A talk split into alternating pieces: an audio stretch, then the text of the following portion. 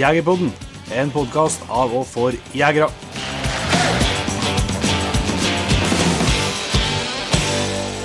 Hjertelig velkommen til sesongens siste episode av Jegerpodden, Jon Inge. Ja. Det føles ikke så veldig lenge siden vi satt eh, og gjorde første opptaket oppe i Lierne rett på nyåret. Nei, det går fort. Det gjør det. Så det, men det er bra, det. For nå eh, det nærmer seg høst med stormskritt òg. Det gjør det. Så det blir godt med en, eh, en, liten, eh, en liten sommerferie her før det drar i gang for fullt i august igjen. Ja, det er, jo, det er jo sommerferie på episode, episodene. Ja. Men det er jo ikke sånn at uh, vi tar noen særlig sommerferie for de. Nei da, vi har litt, eh, vi har litt ting planlagt. Det første som kommer nå, som er rett etter det kommer ut på eteren, er jo at uh, ny utgave av Jegerpodden live igjen med publikum. Og vi har jo blitt invitert tilbake til Støren. Vi var der i fjor, eh, fjor sommer, så det måtte være sånn tålelig fornøyd at vi får lov til- å komme tilbake. Skal bli sinnssykt digg å ha publikum igjen. Ja, det blir artig. Så vi har jo planlagt et eh, show der, og neste, det er ikke lørdag etter, nei, fredag, men fredag etter der igjen, fredag 23. juli, så skal vi til Snåsa, på Dravlandseteren, Les. og ha Jegerpodden live der, og på begge plassene skal vi ha med oss Magnus, det blir musikk, og så det blir jo litt stas da inn i sommerferien. Det blir det. Det blir, det blir godt å ut og treffe folk igjen. Og så er det artig å få med seg gjester på scenen og forskjellig sånn. Og går nå alt det tekniske som vi håper, så skal det jo komme ut som podkast over sommeren. da. Så da er det, selv om du ikke får til å ta turen, så er det i hvert fall mulig å få hørt det på et eller annet tidspunkt. Ja. Eh, så det har vi nå litt å henge fingrene i der. Og så eh, delte vi jo denne vekka her endelig nyheten om eh, at vi skal gå all in for å lage jaktmess igjen. Asphaugen Gamefair 2021. Vi har jo sittet litt på, på gjerdet av naturlige årsaker. Vi måtte avlyse i fjor. Vi har grubla ganske lenge, rett og slett. Ja, vi har det. og venta på myndighetene. Og, Ja, myndigheter, regler og snakka med kommuneoverleger og det som er. Men nå har vi liksom kommet dit at eh, eh, reglene er der at vi får til å arrangere. Og vi har kommet fram i lag med kommuneoverlege med et opplegg som vi mener er fullgodt. Mm. Der vi kan slippe inn ganske mye folk òg, over to dager. over to dager. Og, eh, og så har vi liksom hatt en sånn runde der vi har snakka med litt utstillere først, for å høre litt hva de tenker. Mm. Så vi begynte med det litt eh, tidligere i juni, og så har det vært veldig bra oppslutning blant utstillerne eh, foreløpig, og stort engasjement om å, om å få ut og treffe folk for deres del òg. Ja. og det er jo kjempeartig, og da tenker jeg at da må vi bare gjøre et dønnerlig forsøk. Så 8., 9. og 20. august, det er bare å ringe rundt med hardblyant i, i kalenderen. Da blir det jaktmess på Apehaugen. Det eh, blir jo et program forhåpentligvis fylt med mye spennende for, eh, for jegerne. Alt Fra skyttershow til det blir en hundeutstilling på lørdagen der for harehunder. Eh, og det kommer, blir sikkert noe slakting og mer til. Mye utstillere forhåpentligvis. Eh, testskjøting av våpen. Vi håper vi skal få til en eh, par kjempedager. Og ja, som blir musikk. Yes, musikk. Og så eh, håper vi på at vi får til et liveshow der da, den lørdagskvelden. Yes, det er iallfall planen. Så, så det er bare å, å henge med og følge med og fortelle alle tilfeldige forbipasserende, som vi sier, Ja. om at eh, dere må ta turen til, til Aspøyen og Steinkjer den, eh, den helga her. Tror jeg kan bli, bli kjempeartig. Ja. Så kommer det nok ut billetter for forhåndssalg. Eh, Ikke helt avklart ennå om vi kun må ha forhåndssalg, eller om vi kan ha begge delene. Men eh, det kan jo være lurt uansett når det kommer ut hvis du har tenkt å ta turen. Mm. For det blir jo ikke det blir begrensa med, billetter. Det, jeg vet ikke akkurat hvor mange ennå, men at det blir begrensning på billetter, det blir det. Ja, det blir det. Og så har vi jo et vil si, særdeles eh, trivelig oppdrag eh, neste uke. Ja. Da ikke så lenge siden vi var, var nordpå, Nei ja. men uh, jaggu skal vi dit igjen. Yes, Da skal vi til Tromsø Ja. Neste tirsdag. onsdag. Onsdag. Ja, se der. Se der. så bra det jeg har flybillett. Da. da skal vi fly oppover, og så skal vi få lov til å dele ut eh, den blazer eh, blazeren som vi trekte ut uh, vinner på i, i vår her. Vi har jo en, hadde jo en konkurranse gående hvis vi, eh, når, vi- nådde, nådde 2500 Patriens, så trakk vi ut en heldig Patrien som fikk, eh, fikk seg en Blaser Blazer Ultimate med Jegerpodden Edition. Mm. Så den skal vi jo dele ut til den heldige vinneren oppe, oppe i Tromsø, og eh, i lag med Blazer. Jeg gleder meg så vanvittig til å se ei børsa. Ja, det blir stas. Nå har han ordna med Nå har han som han har ordna seg med godkjent våpensøknad, og uh, tror jaggu han klasker til med ny kikkert og greier opp her børsa så um, De store dager. ja, det blir rett og slett bra. Ja, det blir artig. Så vi skal nå få laga en uh, film og tatt noen bilder, så at uh, vi, vi andre har noe å se på, vi vi som ikke vi som ikke fikk tak i børsa. Så det blir en eh, artig, eh, artig tur, tror jeg. En liten snarvisitt til Tromsø. Men eh, vi skal jo ha litt eh, Like bare litt, er ganske mye lytterspørsmål og dilemmas og forskjellig i dag. Vi har jo igjen fått god hjelp til det fra Jegerpodens lyttere. Men eh, før vi går på dem, så tenkte jeg at eh, eh, som det er litt avslutning mot sommeren, og du sitter kanskje og spekulerer på hva hun skal bruke opp feriepengene på. Nei, jeg gjør egentlig ikke det. Ja, men vi har, det skjer litt stadig ting i nettbutikken vår Ja. som det kan være greit å fortelle litt om. kommer inn nye produkt. Nå, akkurat PT, så har vi jo forhåndsbestilling på den ravnøsekken som vi har vært med og laga i lag med dem, for Patriens. Um, så det går an å få med seg. Og så kommer det, vet jeg òg, et supertilbud på en uh, termisk kikkert for Patriens. Uh, om ikke så altfor mange dagene her. Der um, har vi testa litt forskjellig, og, og leta litt egentlig etter en termisk som uh, ikke koster Alt termisk koster nå, men ikke koster mest, da. Ikke feriegårde med hele feriepengene. Ja, og, eh, så vi har leta litt etter det og funnet en som vi syns, i hvert fall til den prisen, er, veldig god. Så det kommer mer eh, info på Patrion-sida, og en eh, meget eh, bra tilbudspris på den. Og så kommer, da har vi jo fått fylt på lageret med veldig mye forskjellige varer som har jeg vet har vært savna. Det har kommet både fylt på med skytestokker fra Primus, eh, fått flere typer inn til dem. Eh, lokkefløyter, det er jo snart eh, sesong for, eh, for å lokke reven. Fått inn muspip. Og bukken er ikke langt, langt rundt hjørnet heller. Ikke. Så, så det, vi har fått inn flere typer våpenreimer, påfyll av sko, jaktradioer, sekker. Levelost grabbagene har kommet inn igjen. Mm. Så at eh, nå holder jeg på å fylle seg til litt skikkelig. Så ta nå veldig gjerne en tur innom på jegerpodden.no på nettbutikken og, og se om det ikke er noe som frister. Men eh, du Petter, har ikke noe som du vet du skal handle til, til jakthøsten kommer nå? Eh, ja, det har jeg jo helt sikkert. Eh, jeg tenkte jeg skulle handle opp Aspbøgen. men men eh, Så er, du er jo litt spontan type òg, du da. Når det er kommer til å svi av noen tusenlapper på noe utstyr. Jeg er ganske spontan på det, så det skal jeg jo helt sikkert. eh, Men det, så til det vi har i nettbutikken, så er jo aller meste ting vi har fra før. Skal jeg si. Så vi- det er jo litt den tilnærminga vi har, har til det. Så, eh, men det skal helt sikkert inn eh, noen nye ting. Det som eh, vi skal komme litt tilbake med etter hvert, det er noen eh, som vi har kjøpt oss begge to nå. En, eh, for å sette på firehjulingen for hund, hundtrening.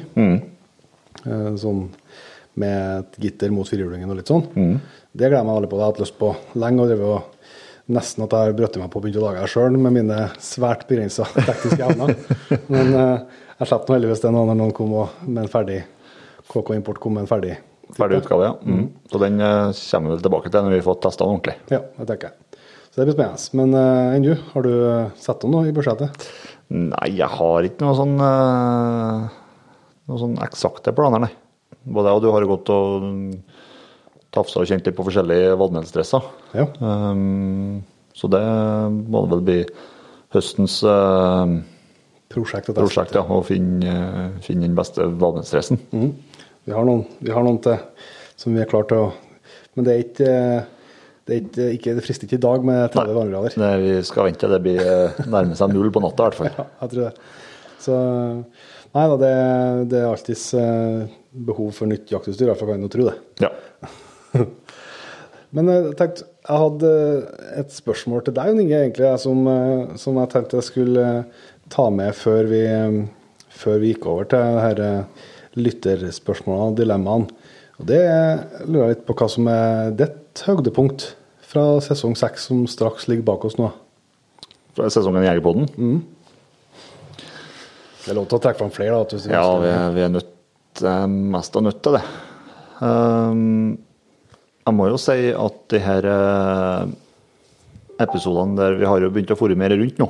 Ja. Og intervjua mer folk uh, over en kaffekopp og over bordet. Yes. Eh, og de episodene ikke, Kanskje ikke bare rundt episodene, men vi, vi har jo prøvd å planlegge flere episoder om dagen, men det går jo ikke for at uh, jaktpraten sitter løst. Ja. Uh, så episoden er én ting, men den blir jo kjent med dem. Ja. Uh, og får mange timer prat med dem. Og, og uh, syns nok episodene der eh, er noen av de bedre. Eh, kanskje først og fremst ja, er Marius Lundby, kanskje. Ja, det syns jeg var veldig trivelig. Um, det, men det, er- det er en kar jeg har gledet meg lenge til å prate med, og som vi jobba ganske hardt for å få med òg. Ja, ja. Så um, den episoden, ja. Og så var det jo, jeg syns vi har på turneen nordover, var det jo veldig mye bra folk å treffe. Absolutt.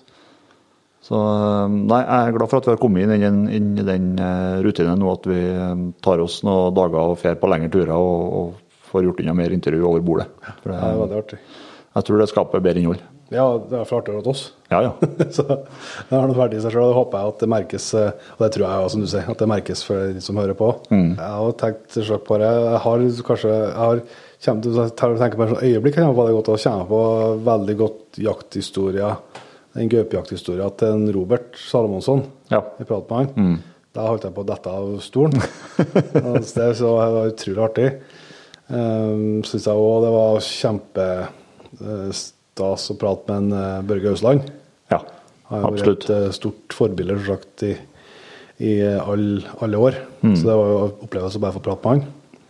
Uh, men det er jo liksom synes jeg, synes det var helt topp at vi endelig fikk laga harejaktepisodene. Harehund-episodene. Mm. Det har jo sett fram til. Så det, det er vanskelig å, å trekke fram liksom noe sånn Absolutt et høydepunkt, ja. ja, og det, det kan for så vidt det har vært bra. Det er kanskje sunt på et vis òg. Vært kjedelig hvis det har vært bare én episode som har sittet igjen som noe, noe som er verdt å, å ta vare på. Så. Men eh, gi nå gjerne tilbakemelding, eh, du som hører på, hvis du vil, med hva som har vært et høydepunkt fra sesongen. Det setter vi pris på. Det er artig å ha med seg inn i, inn i planlegget av ny sesong. Det. Absolutt. Og så skal jeg bare skjøte inn det her nå at hvis det er noen som sitter og hører på podkasten her og syns de hører at det er ei flue rundt seg, så er ikke det rundt deg. Det er, det i, den, i det rommet vi sitter og tar inn podkast. Det At det det her. ei og anna flue. Det, hvis det er noe klask, klasking, så er det Det er ikke noe annet. Nei, det er ikke Nei. Nei, men jeg tror vi eh, begynner å, å gå på lytterspørsmålene, og det har jeg gledet meg skikkelig til. Jeg syns jo det, synes det er kjempeartig å lage episodene her, og få eh, hjelp ifra, ifra dere som hører på. Og nå har vi jo gjort en liten vri eh, til oss sjøl òg. Ja. Sånn at jeg har vært og, og henta ut eh, Det har kommet inn veldig mye eh, innspill og sånn. Jeg tror det passer i hvert fall et par hundre eh, forslag til spørsmål og dilemma, så det har vært en bra jobb bare å, å sile ut. For det er jo, aller fleste er jo, er jo kjempebra. Så det er jobb å bare sile ut det. Men, men det har vi nå prøvd. Og så har jeg henta fra, fra én plass, Mm. og så har du henta fra den andre plassen. Så det vil si at dem som du har på lista di, dem har ikke jeg sett, og motsatt. Nei. Så det er jo litt sånn spennende. for du, Ja, at Det går an å vippes av pinnen. Det går helt sikkert an. Ja, vi får nå se. Jeg har gjort mitt beste, i hvert fall. Ja, jeg ser du er veldig, jeg ser du er veldig blidspent, så jeg er litt spent, jeg er spent på det. Nei, men Du kan jo få starte, Ronny. Da eh, er det et spørsmål fra Filip Philip Hovde Kjeserud. Mhm. som eh, han, Det er høyaktuell eh, spørsmålsstilling han eh, kommer med, da, Mhm. som jeg regner med du eh, svarer godt på. Han lurer på hva de, eh, den nye Grøndalsmiksen, Ja. valpene som er rett utom huset her, eh, blir best. til. om det er til å jage eller til å gjete. Ja, nei, jeg eh, ikke å- tør helst ikke å spå, da. Ja, du, du- må det. Ja, nei, hvis jeg skal spå eh, Jeg tipper det, det safeste å tippe er vel 50-50 i kullet. At halvparten av dem kommer til å jage, og halvparten har mer lyst til å gjete. Det er vel sånn det ofte er med, er med blandingsvalper. Ja, det er bingo. Så, ja, så det er vel det safeste. Så er jo selvsagt en del av meg som syns det har vært kjempeartig for deg hvis det har funka som faen på jakt, og så er det de av meg som har vært steikartig hvis det har blitt varietinga. så er det så ærlig man må være. Nei, det er, mm, det er spennende, ja. Det er det. Jeg har, jeg har vært litt føre var da, for ikke å få på, få på meg at det er Så jeg har, eh, jeg har sagt det til dem som har ringt, og de har jo faktisk eh, skal ha, sal- har salg på alle opp nå, så de drar til vekkene.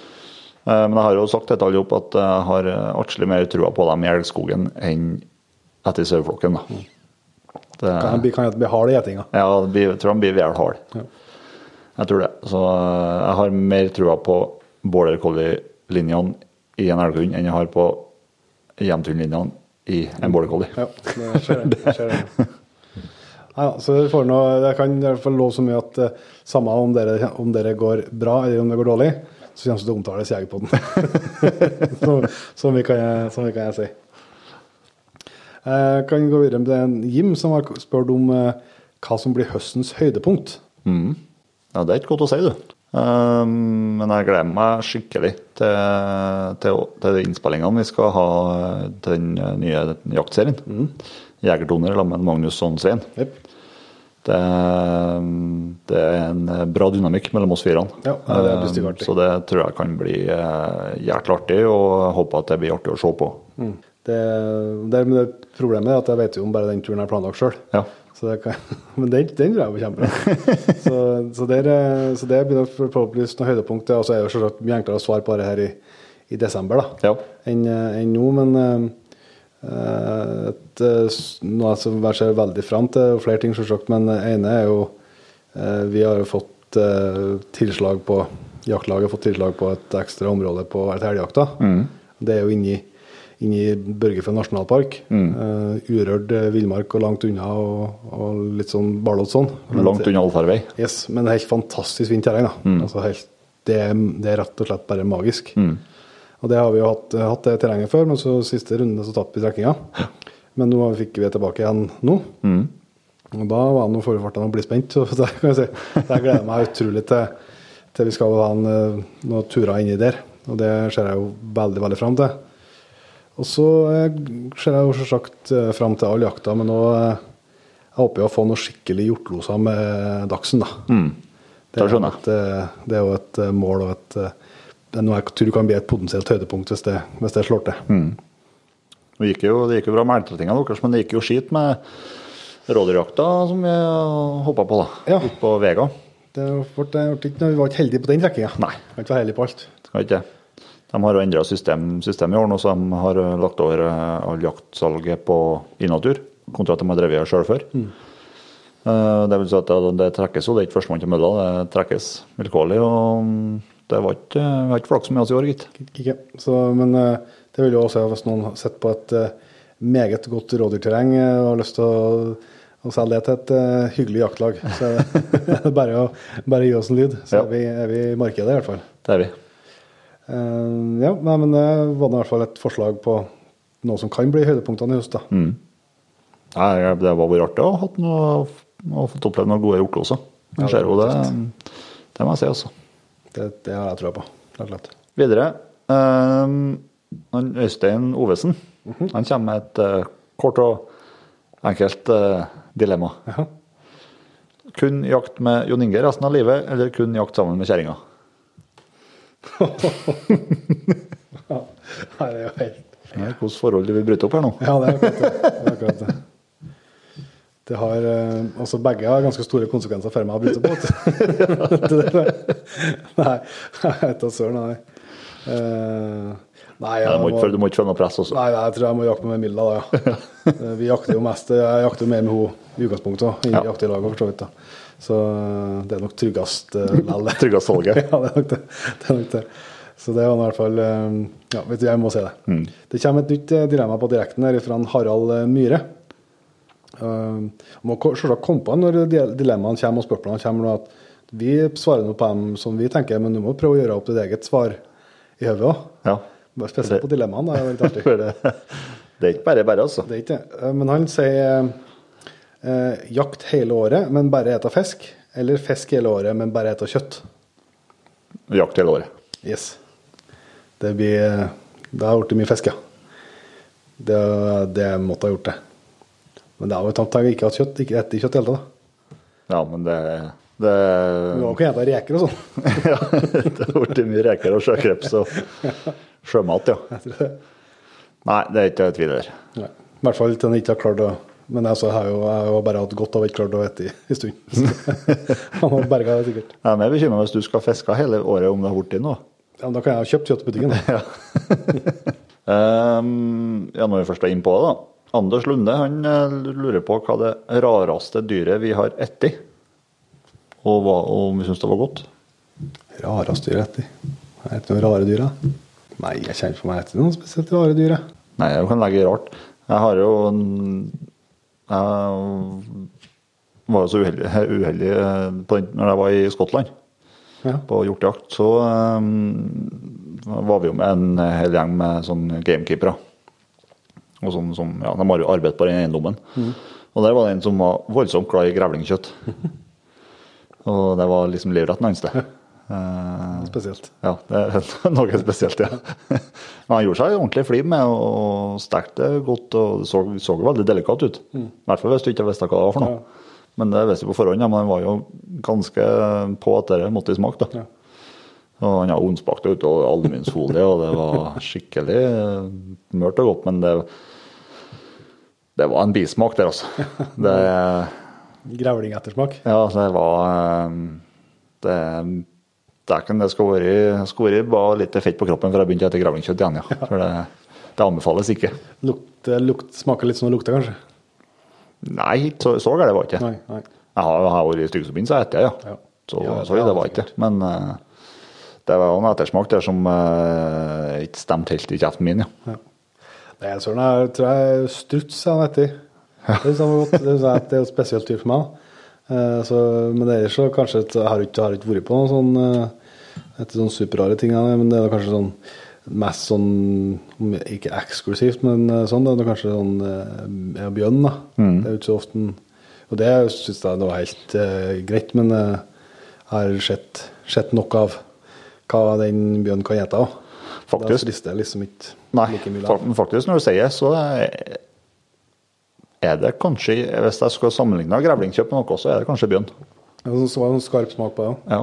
Nei, jeg skal, det, det skal være ganske tungt i fryseren før jeg begynner å fylle det med bjørnkjøtt òg, ja. Ja. Det. Eh, Mona Syversen hun eh, har sendt et spørsmål til politiet, så har man ikke fått svar. Eh, og hun skriver at jeg har våpen og alt rundt det på stell av avlagt storviltprøve. En helt fersk jeger som ikke har våpen enda, kan vedkommende skyte opp med mitt våpen mens jeg er til stede, og så felle dyr med det våpenet med meg til stede. Det kan han. Svar ja. Ja. Det skal gå fint, eh, men det, det er som sagt det kravet at, eh, at du er til stede. da. At den som, som har våpen, i og med at den ferske jegeren antagelig ikke har noe, ikke har noe våpen og ikke noe våpenkort ennå, så må du være med. Eh, og det må vel sikkert eh, Eller hva hva reglene er på å skrive en sånn utlånserklæring når du er med sjøl, det skal ikke jeg si, men det er jo sikkert ikke dumt å, å gjøre det uansett, da. Greit å ha i bakhånda, tror jeg. Ja. Så det, skal, det tror jeg skal gå helt uh, fint, ja. Hvis det ikke er noe uh, Men det var det vi snakka om litt tidligere her òg. I podkasten. Stemmer. Da kommer en Håvard Hovde med et nytt eh, dilemma. Jaha. Det er retta spesielt mot deg. Aha. For jeg vet at du er veldig glad i begge de merkevarene her. Ofte. Bare Ravne eller bare Blazer? Jeg vet da søren. Nei, da må jeg jo si bare Blazer. For at eh, jeg digger jo selvsagt Ravne, men uh, har ståltroa på det. Men de har jo ikke uh, dem heller en full kolleksjon av alt en trenger gjennom et jaktår Nei. av klær. Eh, mens Blazer har jo det alt det jeg trenger på åpen side. Mm. Så det Men det er jo det er jo enda mer kult med ting fra Trøndelag Ja. enn ting fra Tyskland. Det, Så han, jeg si. de laga en rettrekker med oppspenner i Shadow Camo. Ja, også i Trøndelag. ja, ja, det vært i- Nei, så det er vel eh, det enkle svaret på det. Ja. Uh, Jan Erik Tangen han uh, kommer med et spørsmål. og Det er jo kanskje ikke vi beste uh, til å svare på dette heller, men, vi kan gjøre et forsøk. Men jeg lurer på med eller uten bjell på hund under skogsfugljakt. Uh, og Der uh, er det jo som sagt mye folk som har mer erfaring enn meg. Uh, men jeg drev noe, har drevet mye med det, og da syns jeg definitivt at det er bedre uten bjell enn med bjell. Uh, det er jo fordi at jeg likte ikke den opplevelsen i skogen. Nei. Å gå og høre på det bjella hele tida. Nei. Og opplevde når jeg brukte bjell, i hvert fall at jeg for ofte ikke var nok til å følge med lyden. Ja, så jeg hørte ikke når Det tok for lang tid før jeg skjønte at det ikke var lyd lenger. Ja, for det blir litt sånn blind fly, det er kanskje feil, men så, du, du klarer ikke dø for den, ja. Ja. Så jeg har jo, når jeg holdt på, så brukte jeg jo sånn standvarsler. Som peip noen store ord i stedet. Det motsatte. Yes. Og det syns jeg har fungerte eh, mye bedre. Mm.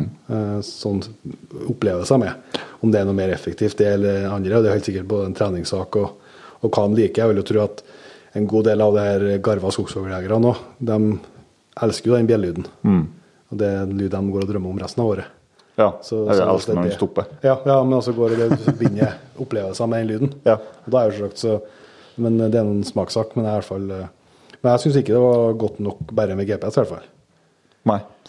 Nei, jeg, var- på mine to fugleunger så brukte jeg aldri bjell på noen av dem. Um, og i dagens eh, teknologiske jaktsamfunn så, så eh, har man jo mye mye annet eh, med, Garm, med Garmin og med Ja, det, ja, det er mye rart som en kan, eh, som en kan bruke. Ja, men jeg har funnet ut at eh, når jeg, eh, For jeg hadde jo Garmin eh, samtidig, men jeg brukte da standvarsleren hekta på den på samme bandet som Garmin-bandet. Ja. Det var helt eh, optimalt, for da hadde du liksom eh, Mange ganger så trengte du ikke eh, GPS-en heller, for du hørte, du hørte stand, men var utafor høreavstand, så så du på GPS-en hvor du sto hen. Gikk dit, men når du da begynte å komme på nærmere skuddhold, så trengte du liksom ikke lenger å, å eh, se på GPS-en og, og, og sånn, for det er jo det um, Det kan jo liksom, i hvert fall på på tiuren så kan det jo ofte være liksom den lille justeringa du gjør på når du skal stille inn på, på stand, som er avgjørende om du får den eller ikke. Og da å kunne ha fullt fokus og kunne høre, i hvert fall når du lærte deg å bruke den litt, det er sikkert sånn det er sikkert da, så hørte du jo godt avanseringa, du hørte retningsendringa og sånn. Og det likte jeg veldig godt. Dere tror jeg, dere tror jeg bare må gjøre opp seg opp en mening om sjøl. Ja. Prøv, prøv litt forskjellig og, og kom fram til den beste Jeg vet ikke om jeg selges lenger heller, det er standvarslerne for så vidt. Ja. Jo, det tror jeg. Ja. Men jeg har sett det i annonsene og sa inn om maga- jaktmagasin. Ja. Mm. Så jeg tror du får kjøpt den, jeg, ja. En, eh, da kan jo du kjøre på i neste ja. Her kommer jeg litt lenger enn fra Kenneth Helgesen Øyen.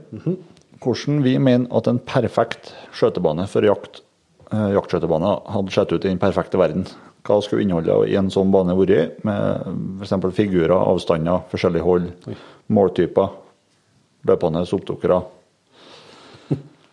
Nå er det bare å slå seg løs, Petter. Ja, nei, det, det er jo uh, selvsagt eh, uten budsjett og uten eh, tanke på hvor mye folk du må ha for å drive, sånt, så er jo selvsagt eh, kan jo lage Las Vegas ut av det. Ja.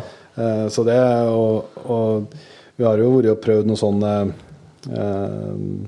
baner i Sverige blant annet, der eh, med lydanlegg og hund som skjeller, og så forsvinner hund og bjørn dukker opp, og de kommer kjørende i alle mulige retninger imot deg. og.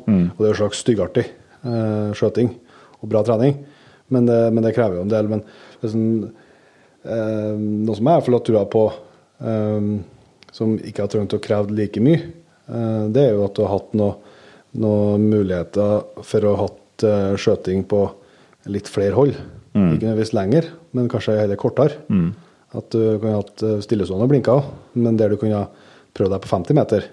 Og, og, og litt sånn. Det tror jeg kunne Ikke nødvendigvis for at jeg skal eh, tatt over for noen skjøte, oppskjøting, eller noe, men altså for, for å prøve litt For, forskjellig. for treninga sin, eller? Ja. Jeg er helt enig i det. ja. At du kanskje der, at du kan skjøte enklere stående og, og, og sånn. Og så, eh, så har jeg jo sagt det mange ganger, og det, det tror jeg jo er, er veldig fint eh, på skytebaner. Eh, hvis du tenker mer den klassiske 100-meteren med, med reinskiver og sånn for, for oppskyting, så har jeg veldig trua på at man lager noe system for å dele av mellom standplassene. Sånn at du kan være for deg sjøl. Noen har vært på noen plasser der det til og med er deg av dør. Skal jeg si at du er helt for deg sjøl. Inntil Karbåsen, ja. Ja. Mm. Det syns jeg er kjempemessig. Det- Men jeg syns det er behagelig sjøl at det ikke sitter noen bakom meg når jeg skjøter. Ja. Det går for meg så jeg går bedre for, enn for mange andre. Men jeg synes be- hvis jeg kan velge, så vil jeg heller være alene enn å ha noen bakom meg. ja. Så det mm, er en sånn ting som jeg tror mange skjøtebaner kunne hatt godt av hvis man skulle gjøre noen oppgradering, i hvert fall. Ja, det er greit å, hvis man skal ha gjøre det, så er det greit å tenke, tenke over det. Eh, at man, eh, om man ikke har egne båser med egne dører, at man i hvert fall har ordentlige eh, skillevegger. Ja, mellom hver, Mellom- mellom hver sandplassen, ja. Ja, for det, det er atskillig mye bedre. eh, For det at du føler at du er du føler på et vis at du er mer alene, Ja. og så har du ikke like mye innsyn. Og så smeller det mindre fra naboen, Yes. og så slipper du de tomhylsene som kommer. Så eh, det er absolutt et godt poeng. ja. Så jeg også, er helt enig til dere at man skal tilrettelegge sånn at man kunne skjøte på flere forskjellige hold, f.eks. på 50 og 30 meter. og Prøvde seg mer sittende og stående, den biten der. Og så øh, øh, tror jeg at mange flere har prøvd seg på å løpe elg, eller løpe bjørn, mm. eller løpe villsvin, eller hva, hva som det er, hvis at holdet har vært kortere. Eh, for at eh, med mindre man trener jevnt og trygt på det, så er det, er det, Vanskelig, ja. det er vanskelig, og det er lett å få brutt ned sjøltilliten. Ja, det er det. Eh, jeg har i hvert fall opplevd at det er mye artigere. Jeg synes det er mye artigere, Nå er ikke jeg noe god til å skjøte på løpehelg på 100 meter, men, eh, men jeg syns det er mye artigere på f.eks. 30 meter. da. Og heller få, prøve å få inn to skudd på én tur Ja. eh, på 30 meter i stedet. Og så syns jeg, jeg synes det er mer reelt overfor en jaktsituasjon. Ja, i hvert fall på dem, de gangene det er aktuelt å ta et sånn type skudd, så er det jo oftere at eh, du vurderer det på 30 meter enn på 100. Ja. Så det, nei, det Og så tror jeg at eh, det kan være mye Du kan, du kan få til mye artig på skøytebanen òg. Men det er klart det er jo hele tida så skal en jo ha respekt for at dette drives jo på dugnad. Absolutt. Og sånn, og så du ikke kan ikke ha ubegrensa med tid, men, men at du har hatt på en måte den vanlige kvelden i uka, og så du kunne hatt en mer sånn freestyle-kveld. Mm. der eh, det har vært oppmøte på et tidspunkt, og så kan en få bestemme litt sjøl hva en har lyst til. Og sette opp litt blinker og, eh, og sånn, der du nødvendigvis ikke trenger å være elektronikk eller, eller sånn her. For at det, det trenger ikke å være eh, 50 personer innom den kvelden. Nei, det nei. er kanskje bare 10. Ja, ja, ja. Så at du har hatt litt åpna opp eh, på den måten der òg. for, eh, for mye skjøttemann er jo eh, tilgjengelig, men det, men det er ikke sikkert like tilgjengelig for dem som ikke er med i det skytterlaget ennå, eller, eh, eller er engasjert i det jeger- og fiskerlaget lokalt der ennå. Så det tror jeg kan ha vært en, eh, en fin måte for å få til litt mer variert skjøting. Mm. For eksempel, for eksempel, det kan være å ha ei sånn jaktfeltløype stående opp mer kontinuerlig. Så at man kan trene på det jevnt og trutt gjennom hele sommeren. Yes. For det er jo kjempeartig skjøting. Yep. Men som, og som jeg tror mange har syntes var artig hvis de har men så mange som kvier seg for at de ikke vil ikke være med på jaktfelt for at det er konkurranse. Men heller da bare ha som en trening, treningsløp. Da. Ja, absolutt. Det er jo mange forskjellige hold og, og mm, posisjoner på skjøtter og sånt.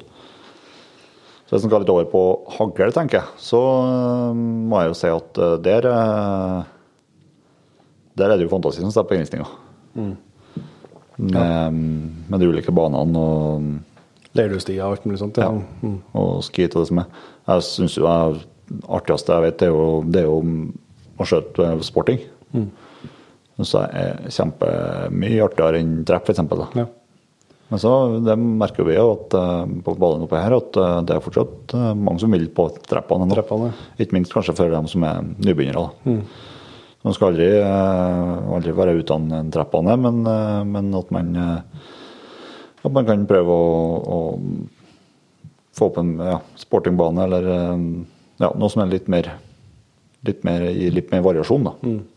Ja, og og så er det også liksom det med eh, fleksibiliteten i ES. Altså, at å si at eh, du har en sportingbane da, som er åpen hver onsdag fra klokka eh, seks til åtte. Så kunne du hatt f.eks. annenhver onsdag. da, eh, At den er åpna klokka fire Ja. i stedet. Så dem som var villet, kunne ha kommet der du ikke nødvendigvis skutt i runder, sånn som det må gå når du skal ha fulle lag Ja. og det er mye folk. Men at du kunne prøve å lage en sånn anledning for det. Der, jeg ser at du er nybegynner, at du har vært på sportingbanen og du plages typisk med ett er skudd som du aldri får til. Du kan få stått der og terpa og, og fått hjelp til å løse akkurat det, den oppgaven. liksom utvikla litt sånn. da. Altså, det er jo sånn så de jobber, de som, som trener for å bli gode i konkurranser. og sånn, de har jo det, og de har jo ofte muligheten, men, men det er jo åpen eh, for åpen, flere. åpen for flere. da. For at uh, har du liksom først kommet opp på det nivået at du har begynt å konkurrere, så, så, så, så har du jo kommet et lang, lang bit på vei. Ja, ja, ja, absolutt. Så det tror jeg går an å tenke seg i hvert fall. Nei, men det var bra. Uh, neste her, det er fra en Erlend Sæter. Uh, han lurer på et dilemma her som er alltid stålos, men aldri skuddsjanse, eller aldri stålos, men alltid skuddsjanse. Det siste. Ja, det må jo bli det. Ja, ja. Det er klart det er stekeartig med stålos, men det er noe artig å få uh, på noe innimellom òg. ja. Og så skal du ikke ha stålås, da, så må du jo bare jakte, da må man bare jakte med den hunden en har, da. Ja. ja, ja. Så nei, det må bli det. Og det er jo, eh, det er jo sinnssykt artig å stille inn på en Stålos, men eh, jeg for min del syns pulsen eh, jobber rimelig greit eh, når det kommer en ganglos eh, i din retning òg, ja. Ja, og så er det syns jeg det er mye mer effektivt på jakt. Ja, litt av terrengavhengig, selvsagt, da. Jo da, det er klart. Men uh... Men har du mye plantefelt og, og sånn, så er jeg tror ikke det er minst det rører seg litt, nei. nei, nei, nei. Ikke i det hele tatt. Da kan du få Det er ikke bra på jaktprøven, da. posi- Nei, men det er det som er forskjellen nå, ja. Men, at uh... Jeg føler i hvert fall i alle situasjoner her at har jeg mye mer suksess med å komme fra om en ganglos og avslutte der, enn å komme inn på en stålos, ja. Mm. Men det er selvsagt terrengavhengig og, og sånt, men eh, Altså, hvor, eh, så det finnes jo folk som ikke er to meter, da, når de skal smyge i Setskogen. ja. Det er ikke noen tvil om det. Så finnes det mye, mye triveligere skoger enn vi har Ja, i dalføret her. Det finnes noe bra. Yes, har vi flere? Det har vi. Uh, Ugara på Instagram han lurer på er litt inn mot uh, termisken som vi var inne på før her. Det er litt sånn, Jeg Han har et inntrykk av at folk er at eh, ja, en, en andel av jegerne er imot termisk spotter og kikkertsikter. Eh, Vi jegere har utvikla oss med tida. Kikkertene blir mer og mer lyssterke. Hunder blir brukt for å finne både to- og firbente. Han syns det er merkelig at det virker som en andel av jegerne vil at vi skal stoppe utviklinga, selv om den går. Der vet jeg jo, Petter, at du har eh, Ja, gjort opp litt de samme tankene. Yes, jeg er helt, eh, helt enig. Altså at eh, jeg tror altså, det er vanskelig å, å kjempe eh, mot utvikling. Og ofte så er det, tror jeg at det er uhensiktsmessig. Men så er det jo, skal man ha respekt for det at på et eller annet tidspunkt så kommer jo det punktet. Jeg hørte en interessant podkast på tur hit. Det var, det var ikke jaktrelatert, men det var en som, en som var avhørsekspert. Eh, og supersmart fyr, selvsagt. Uh, Eh, og så bare snakk om sånn løgndetektorer. Og jeg har skrevet doktorgradsavhandling bl.a. om det. Og det, og det å kunne se om folk lyver eller ikke, og, og ha en løgndetektor, om det funker. Det funker ikke i det hele tatt. I hvert fall, altså, men det, poenget, poenget der da, det var at eh, så spurte han liksom Hører dere Torsmenn? eh, poenget der var at eh, vil, eh, hvis vi har kommet dit, da, at vi kunne ha hatt en løgndetektor som har vært med, med 100 sikkerhet, kunne ha sagt uh, om folk lyver ikke. Og da argumenterte han ganske godt for seg at uh, det kan man ikke ha. Nei. Fordi at samfunnet kommer antagelig- ikke til å fungere. Hvis, altså, det, er at, det er ikke det er bra at folk lyver, men hvis du liksom tar bort altså at du kan til samtlige, alle mennesker i verden til hver tid avtvinge 100% ærlighet, så er det så mye av samfunnsstrukturene som bare detter i hop, ikke Mm. Ja, funker. Og da, og det er jo sånn, da kommer det sånn at Han tror ikke man kom dit, da, men da har man kommet dit, så har man kommet til et punkt som, til utviklinga som Mm. antagelig ikke vært bra. Måtte gjort om masse. Og sånn vil det jo selvsagt være i jaktsammenheng òg. På et eller annet punkt så har- kommer utviklinga dit at vi ikke kan tillate den lenger. Og så er jo det som er vanskelig, når, han sier også at Når det punktet kommer. når kommer det punktet, og hvem bestemmer hva det punktet eh, når det kommer. Ja. Og det er jo selvsagt der delingene, eh, delingene kommer, som vi har vært inne på flere turer, så var det jo mange som argumenterte akkurat på samme viset på, på peilere Ja. i hundemiljøene, når det begynte å komme, GPS-peilerne, at det ble for effektivt og var for lettvint. Langt færre som snakker om det i dag. Eh, så det var antagelig et punkt som noen trodde det skulle stoppe på. Så det har gått lenger. Og så har jo termisk eh, eh, kommet, og jeg tror det har kommet for å bli. Man kan jo selvsagt gjøre det ulovlig, men da vil det antagelig dukke opp noe ny teknologi eller noen annen måte å anvende det på, eller et eller annet sånt. Eh, men um, jeg, mitt hode er liksom sånn at all den, tid ting ikke går på bekostning um, av at jaktutøvelsen blir Human. ja, mindre human, eh, så, så er det liksom vanskelig for å For at det er det jeg syns òg det er veldig vanskelig liksom, hvis eh, hvis en skal, hvis en skal si at det ene er bra, det andre er dårlig, og begynne å tenke sånn liksom, hva er, eh, hva er på termisk, da, altså hvor mye eh, mer vil du skjøte? Hvilken betydning har det for, eh, for viltet? Om det blir skutt i en termisk kikkert? Hvis det er all den tid her på kvota og det er eh, lovlig vilt og det blir felt på riktig måte, så kan det godt hende at det kan være forskning ute som ikke jeg vet om, som viser at det er dobbelt så mye skadskjøting med termisk. Jeg tror ikke det er sånn, men det hvis det fins, så er det selvsagt- er en helt annen diskusjon med en gang. Men uh, man kan liksom ikke uh, Eller det er vanskelig å vite når det punktet for utvikling kommer, og så er det vanskelig å definere hvem er som skal si at hit, men ikke lenger. Nei, altså er det jo litt der at, at uh, hver og en jeger må, må tenke at hvis noen vil jakte på den måten, Ja. Med f.eks. termisk, og de setter pris på det, så må man synes at det er helt greit. Ja. Da hadde man ikke gjort det sjøl. Ja. Ja, og så, så er det som dere som vet, det er vanskelig, og det er jo sånn annet sånn eksempel som i brukt i en diskusjon der så er det sånn Ja, men det blir jo snart bare med droner, så at vi slipper opp droner, og så finner vi ut hvor dyrene er igjen. Og det kan man jo altså, antagelig begynne å gjøre etter hvert. da. Det finnes jo allerede. sant? De bruker jo termisk for å finne rådyrkje. sant? Ja. Det ser man jo at utviklinga er positiv. Eh, og så kan du si at ja, man bruk det i vanlig jakt, da. Ja, Det synes, vil mange synes at det er galt, og det er ikke noe jeg verken har testa eller tenkt å teste sjøl heller. Men, men samtidig så ser på prøver å se på isolert sett, så blir jo ikke jakta mindre human av at du Ja, sendte er opp, opp i drone Nei, nei. og funnet ut at ok, elgen står oppå der, istedenfor at den går opp på fjellet og ser på kikkert. Så kan man si sånne ting som at, at eh, ja, men det er ikke noe, noe utfordring. Nei, det er greit nok, men det er en helt annen sak. Ja. Fordi at eh, hvorvidt det skal være utfordring eller ikke, Mm. eh, og som du sier, hvordan du vil utøve, det er en helt annen diskusjon igjen. Mm. Som jeg tenker bør være opp til mer til hver enkelt.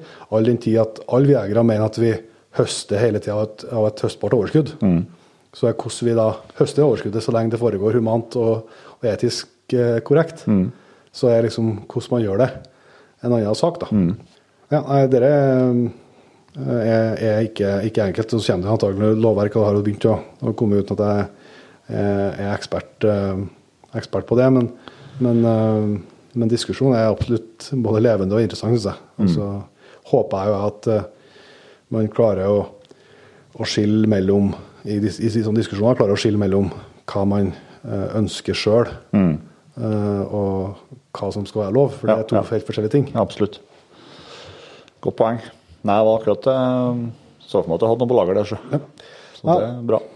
Eh, Jeg har et eh, nytt, eh, nytt dilemma her. jeg. Det var det, ja. Jo Vågan, vet du. Jaha. En god venn.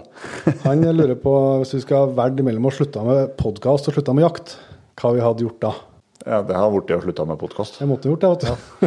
At, uh, Vi kan ikke sitte her og drive en eh, jegerpod uten at vi skal jakte sjøl. Nei, det kan jeg ikke. Og jeg kan ikke helt sette meg og livet mitt uten jakt heller. Nei. Og nå er det selvsagt vanskelig å se for seg livet sitt uten Jegerpodden nå, men uh, måtte nok ha blitt arbeidssøker laget. Ja. Bare sånn, sånn det har blitt. Men at det er litt artig spørsmål. Artig spørsmål. Ja, det kan slenge på en til, men det var en, en kort og grei en eh, fra Henrik Holtan Thoresen. Han lurer på de viktigste egenskapene vi ser etter når vi skal ha en ny valp, og tenker i hovedsak på gjemt hund. Han er vel i markedet, antagelig. Du kan jo begynne, du som har eh, nettopp har henta en. Ja. Eh, så vi har kanskje nevnt det i podkast før, og jeg tror ikke jeg har sett på noen sånn eh, hokus pokus-formular eh, der, altså, men akkurat på gjemt hund så, så um, har jeg jo begynt å følge med en del de siste årene på litt linjer og begynt å liksom gjort meg litt kjent med. Eh, uten at jeg kan fortelle at den linja er sånn, den linja er sånn, og, og der blir sånn, og der blir sånn. Men i hvert fall en del navn og hunder jeg kjenner igjen da, i en del. Så da har jeg jo kikka litt etter det. Og liksom syns det er artig å Nå har jeg jo to hunder som jeg er godt fornøyd med. Og syns det er artig å fortsette litt med, litt med samme blodet. Ja, ja. Uh, Føles uh, safe. Og så har jeg jo da sett på kullverdi. Eh, Hvor mange, altså hvor mange i det kullet til foreldredyrene og bakover som er jaktpremiert. Og prøvd å gått litt dypere inn i og sett på sett litt på det, i hvert fall på de nærmeste leddene, og sett litt på jaktprøvene òg. Hvor de er, hvor de er gått hen, og, og hvordan det har gått, og, og likeens på utstilling, selvsagt Mm. Um, så, så det er noe Men så kan du ta fra helt andre side igjen når eh, Når, du, når du skulle hente den? ja, Eller nei, når jeg skal hente Dagsen, da. Ja, ja. Som jeg virkelig ikke har, ikke har noe innsikt i. Da gjør jeg jo som jeg tenker er det safeste, det er å finne en oppdretter du har trua på, Mm. og som har fått fram mye bra hunder. Eh, og så må du bare legge skjebnen i dens hender. Ja. Eh, for at jeg, altså, jeg kunne jo der ha begynt å kikke på, på gjort det samme jobben, men, men jeg har ikke hatt det samme utbyttet av det. Nei. Som jeg har med en rase som jeg begynner noen års erfaring med, i hvert fall. Da. Ja, og begge delene, begge delene eh, funker jo åpenbart. Ja, ja, ja. Det vi vet jo ikke med, med kvalpen ennå, men, Nei, det- men eh, det er jo en vel, velkjent måte å gjøre det på. Eh, og så er man heldig å treffe rett oppdretter nå, så, så eh, er jo det en safe måte å gjøre det på. Mm, det. Og så tror jeg heller ikke man skal, man skal eh, kimse av at oppdretteren velger ut Hvis det f.eks. er langt å ferde, at oppdretteren velger en valp til det. Det tror jeg ikke man skal kimse av, for at eh, er det noen som virkelig har sett mange valper, og har en, en viss evne til å se de ulike egenskapene når de er åtte uker, så, så er det dem som virkelig har man valper. Ja. Og det har jo som regel eh, litt større oppdrettere. da. Det er et godt poeng. Jeg ser jo nå eh, på, på det kullet jeg har hjemme her nå, så, så skal jeg jo beholde en, en sjøl. Men um, har ennå ikke altså Nå er de sju uker, men jeg har ennå ikke klart å bestemme meg for hvem jeg skal beholde sjøl. Jeg går og kikker på en hver dag, så det, det ser litt om hvor, vanskelig det er. Ja, ja, det er klart det. Morten Kleven, han, eh, det er et dilemma. Bare bruk vår aller første riflerigg og jakt med hjemthund. Eller blazer og gråhund. Nei.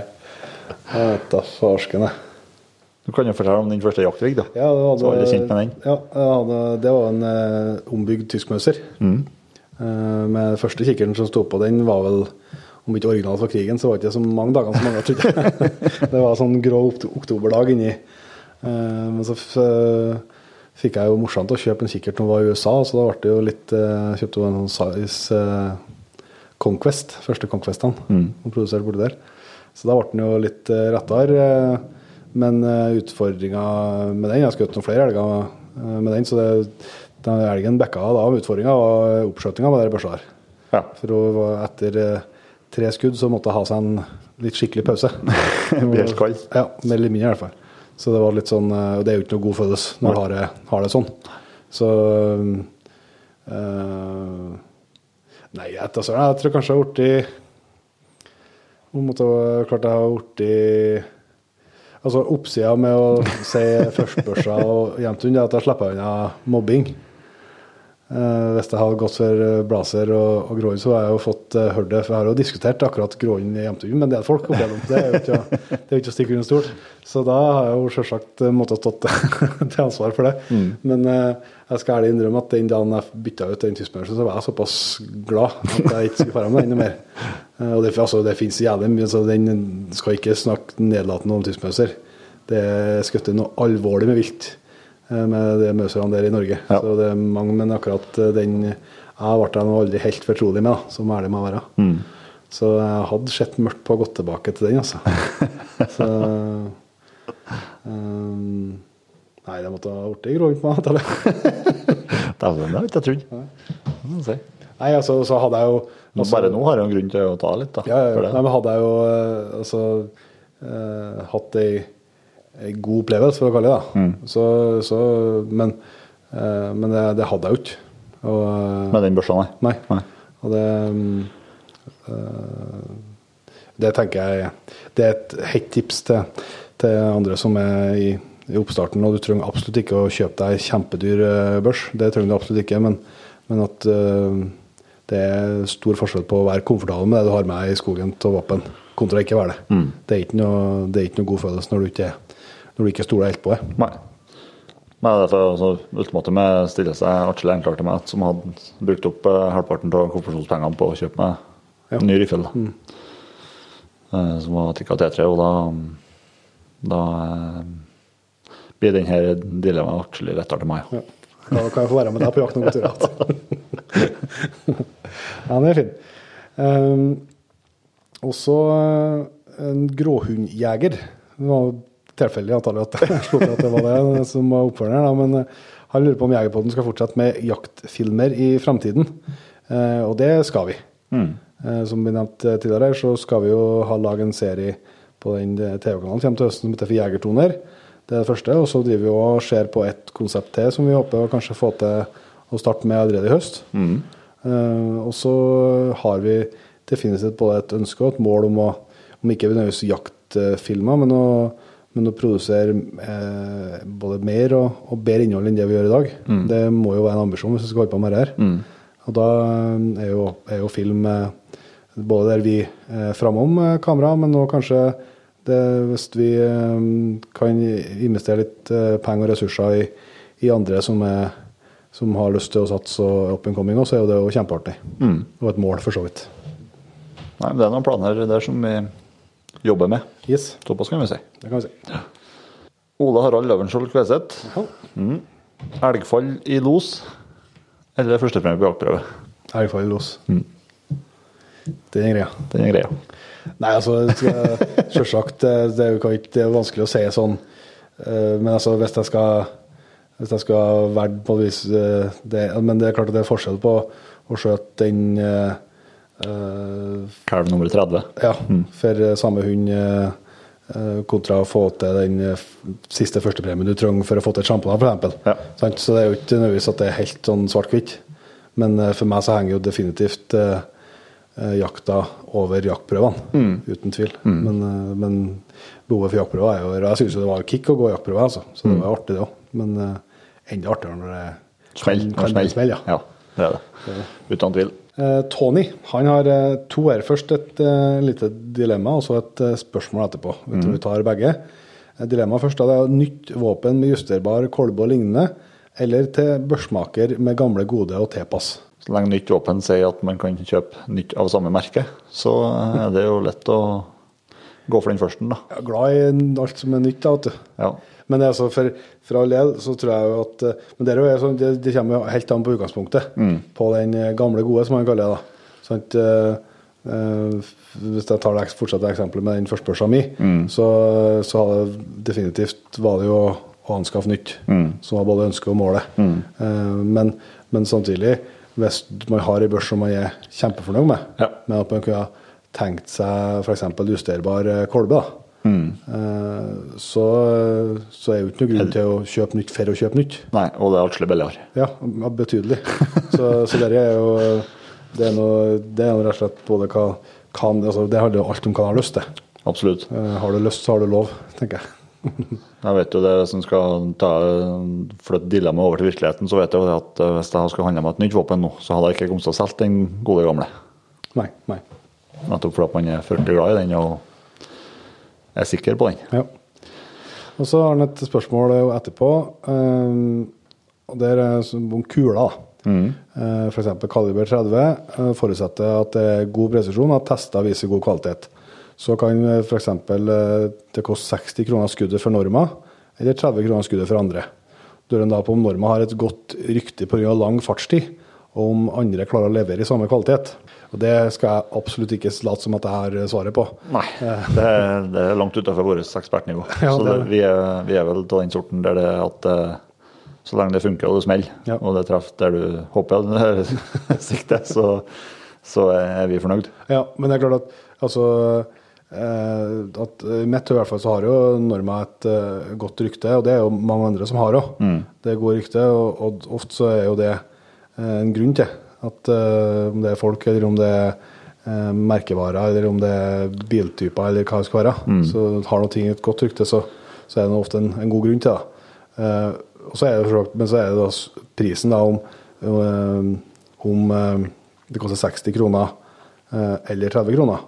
Så da, jeg tenker bare sånn for min del, og det er sikkert mange som tenker sånn, det kan godt hende at det er en feil måte å tenke på, skal ikke, skal ikke jeg påstå, men, men for min del da, så uh, vet å si at med oppskjøting, at jeg trenger eh, da fem skudd der, og så skal jeg skjøte 15 skudd, går kjempebra til høsten, Ja. skjøte mye, bruker 15 skudd til. Så er det 20, eh, 60 kroner skuddet, så er det 1200 kroner for de 20 skuddene. Mot det som er billigere, som da koster meg 600 kroner. For å si det sånn, det er ikke den 600 kroneren der som tipper, Be- lasset, i en retning på, når det kommer til mitt forbruk på eh, jakt og utstyr og kjøring og eh, terreng og Nei, nei. alt som, alt som jeg å legge inn. Så jeg har jo heller tenkt sånn at, at eh, jeg betaler noe for noe jeg vet er bra. Mm. Um, og som mange rundt meg kan fortelle meg er bra. Men det er jo ikke det samme som at det andre som koster 30 kroner, er dårlig. Det ser jeg absolutt ikke. Nei, nei. Det kan godt være at det er like bra, eller kan godt, for alt jeg vet, kan det finnes noe som er bedre òg. Mm. Men, eh, men for meg i hvert fall så, så er, er, er det liksom det, Om det akkurat hva det koster, det, det er ikke jeg styrer etter akkurat på det der, da. Nei. Det er ikke det. Nei, det er litt um, Jeg òg tar med sjøl at jeg konsekvent handler en Norma, men det, hva som er årsaken til det, det, det Og som regel så er det det butikkene har mest av òg. Ja. Og så, så er det jo så stor forskjell på at, at uh, verken jeg Du har ikke noen sånn kjempestor fascinasjon og er sånn uh, supernerd, for å kalle det det, på kula. Nei. Mens for noen er det en kjempeviktig del av Hobbyen, av ja. Mm. og lidenskapen. Og da er jo all mulig grunn til å teste forskjellige ting og, Ja, ja, og prøve å finne ut og, og liksom gjøre det helt optimalt. Mm. Uh, så vi har jo den nerdinga kanskje på, på andre ting igjen, som andre ikke har. Så det er jo det er er folk og jegere forskjellig, tenker jeg.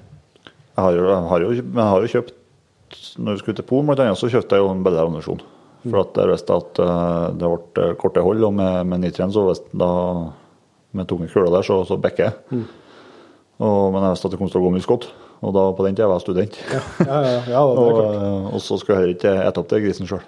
Så det er liksom om å gjøre for velta. Og da, og da, eh, da gikk jeg for noe med et bedre alternativ. Mm. Nei, så det, og det er akkurat hva som er eh, Og så er det jo helt sikkert eh, mye den eh, bransjen der og som det kan være ting som er, eh, er, er veldig likt, men som prises forskjellig fordi at merkevarene er forskjellige. Og, og sånn, Det kan jo bare se til bilverden, det.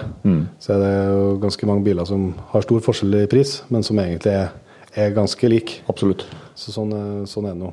Har noen gang verden blitt. Daniel Kjeserud, Petter. Han eh, lurer på om vi har et drømmedyr å jakte på, som vi ennå ikke har fått muligheten til. Nei, det vet jeg nesten ikke om jeg kan si at jeg har. eh, Altså, jeg tenker jeg har snakka med mange at jeg drømmer om Canada, Alaska og store villmarker, men det er jo, det er jo dyr jeg har jakta på før. De er jo riktignok litt større og ser litt annerledes ut. It's so big. Ja, men jeg har, ikke, men jeg har jakta på dem før. Ja. Um, så jeg har vel Grizzly er jo en annen art, da. Ja, den, ja.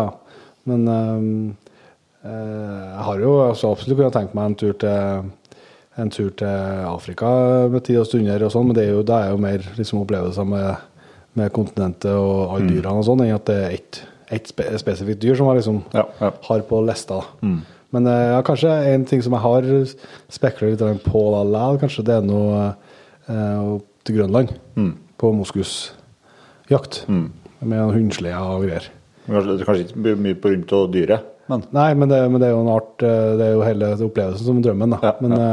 Eh, men det er noe Det kan jeg tenke, virkelig tenke meg. Enn du? puma. Puma? Ja, det er sant. Det er så jævlig tøft. Det. Ikke for at det altså Men ja, puma med, med egne hunder. Og, eller en flokk med hounds. Ja, det tror har vært jævlig tøft, er- det, det er heller ikke for at det er så forbanna vanskelig når hun sitter oppi tella der, men Nei, det er liksom hele, hele følelsen rundt det. Ja, og så fantastisk dyr, da. Ja, helt rått. Tor eh, Mikkelsen her, han har et eh, nytt dilemma. Eh, aldri mer hundpedere på hundene, eller alltid regnvær og skodd. Alltid regnvær og skodd. Yes. Det er ikke noe problem med regnvær og skodd når du har pedler. Det er bare å Det, fin, det finnes da bra klær. Det bra klær. Det finnes ikke, det finnes ikke noe bra alternativ. Nei, og så pedler, syns han jo ofte at uh, jakta er, Best. er best òg. Mm. I hvert fall litt regn er på mye jakt ikke å, ikke å forakte det, altså. Nei. Faen, hva er enig vi er på uh, Ja, mye av dilemmaene. Jeg kan jo, jeg kan jo begynne å være uenig bare for å være uenig, selvsagt. Ja, det har vært mer likt, det. Skal vi se. Kim Johan Postholm. Hva mener vi er den optimale jaktfrokosten når man skal ut og gå langt? Hei. Hva spiser drikker dere til lunsj i fjellet og skogen? Og til slutt, hvordan sjokolade ligger i lokket på sekken? Ja, frokost vet jeg ingen av oss er spesielt sterk på. Nei, men det er nå en slager. Ja, det, blir jo ofte egg og bacon. Vi er svake for egg og bacon. Ja, det er ikke å stikke ut stolen. Om det er det beste, det jeg søren. Eh, men det er ofte er jo fælt å ikke ete frokost, det må jeg bare innrømme. Men eh, hvis jeg først har, skal velge noe, så tror jeg det blir det, ja. Og lunsj har jeg heller ikke noe sånn eh, noen faste tradisjoner. Det å, Du er generelt dårlig på å ete når du er på jakt, du. ja, jeg, blir jeg tar noe ofte med noen kakeskiver eller noe, så har jeg bestandig real turmat i sekken som backup hvis det skulle bli lenger enn jeg hadde antatt. Eh, og sjokolade er heller ikke noe Jeg har bestandig har sjokoladeplate, det syns jeg er bra. Men uh, akkurat hva det står på, det er ikke jeg så, ikke så nøye på. Det som jeg derimot har hatt eh, litt suksess med de siste høstene, det er Nå er jo snart Sverige åpent igjen. Det har de sånn saltflesk, som er styggsalt. Mm. det vil si at det berger i sekken i ukevis.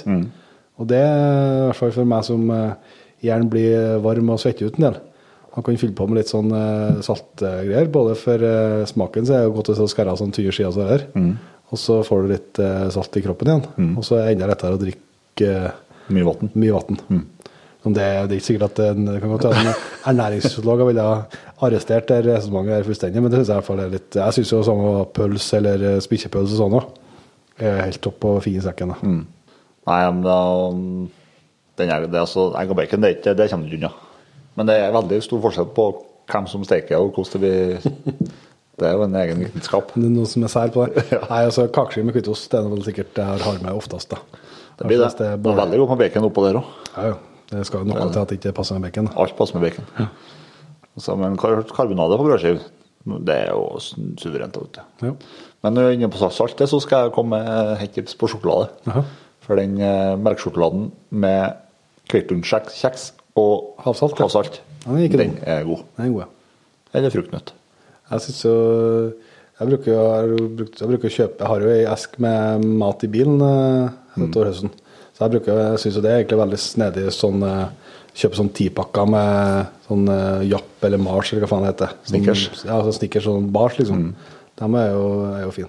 Og så ble det jo litt De er litt sånn skumle, vet du, for at du tar den når du skal begynne å kjøre, så tar du gjerne med deg en to-tre stykker inn i bil. Ja, det er sant. Og så, så lærte vi jo litt av kameramannen eh, fra fjoråret. Han er jo hakket mer opptatt av eh, Ernæring, ernæring Ja. og enn oss. Og Han eh, introduserte jo sånn eh, proteinbarer. Mm. Og det syns jeg ikke var dum en heller, altså, for at, eh, det er mye som et lite måltid.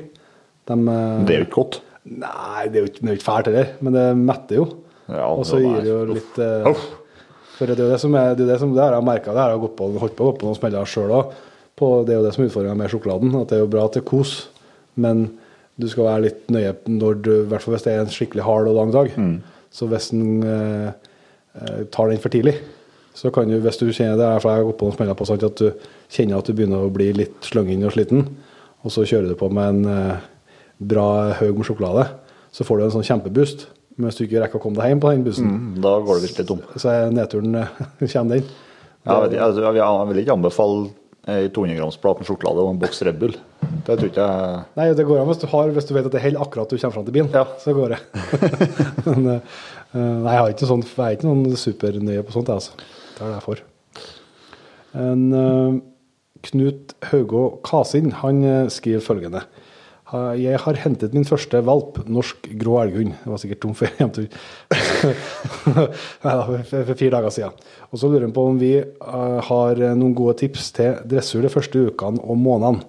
Og når vi begynner å ta med valpen på tur, og når du begynner å gå med det i bånd. Jeg vil jo kanskje heller vise til mange episoder tidligere vi har hatt med, med folk som har enda mer hundeerfaring enn oss. da. Eh, Men eh, for min del så har jeg ikke, i hvert fall de første ukene, så har jeg ikke så stor, kan ikke si at jeg har noe stort fokus på dressur.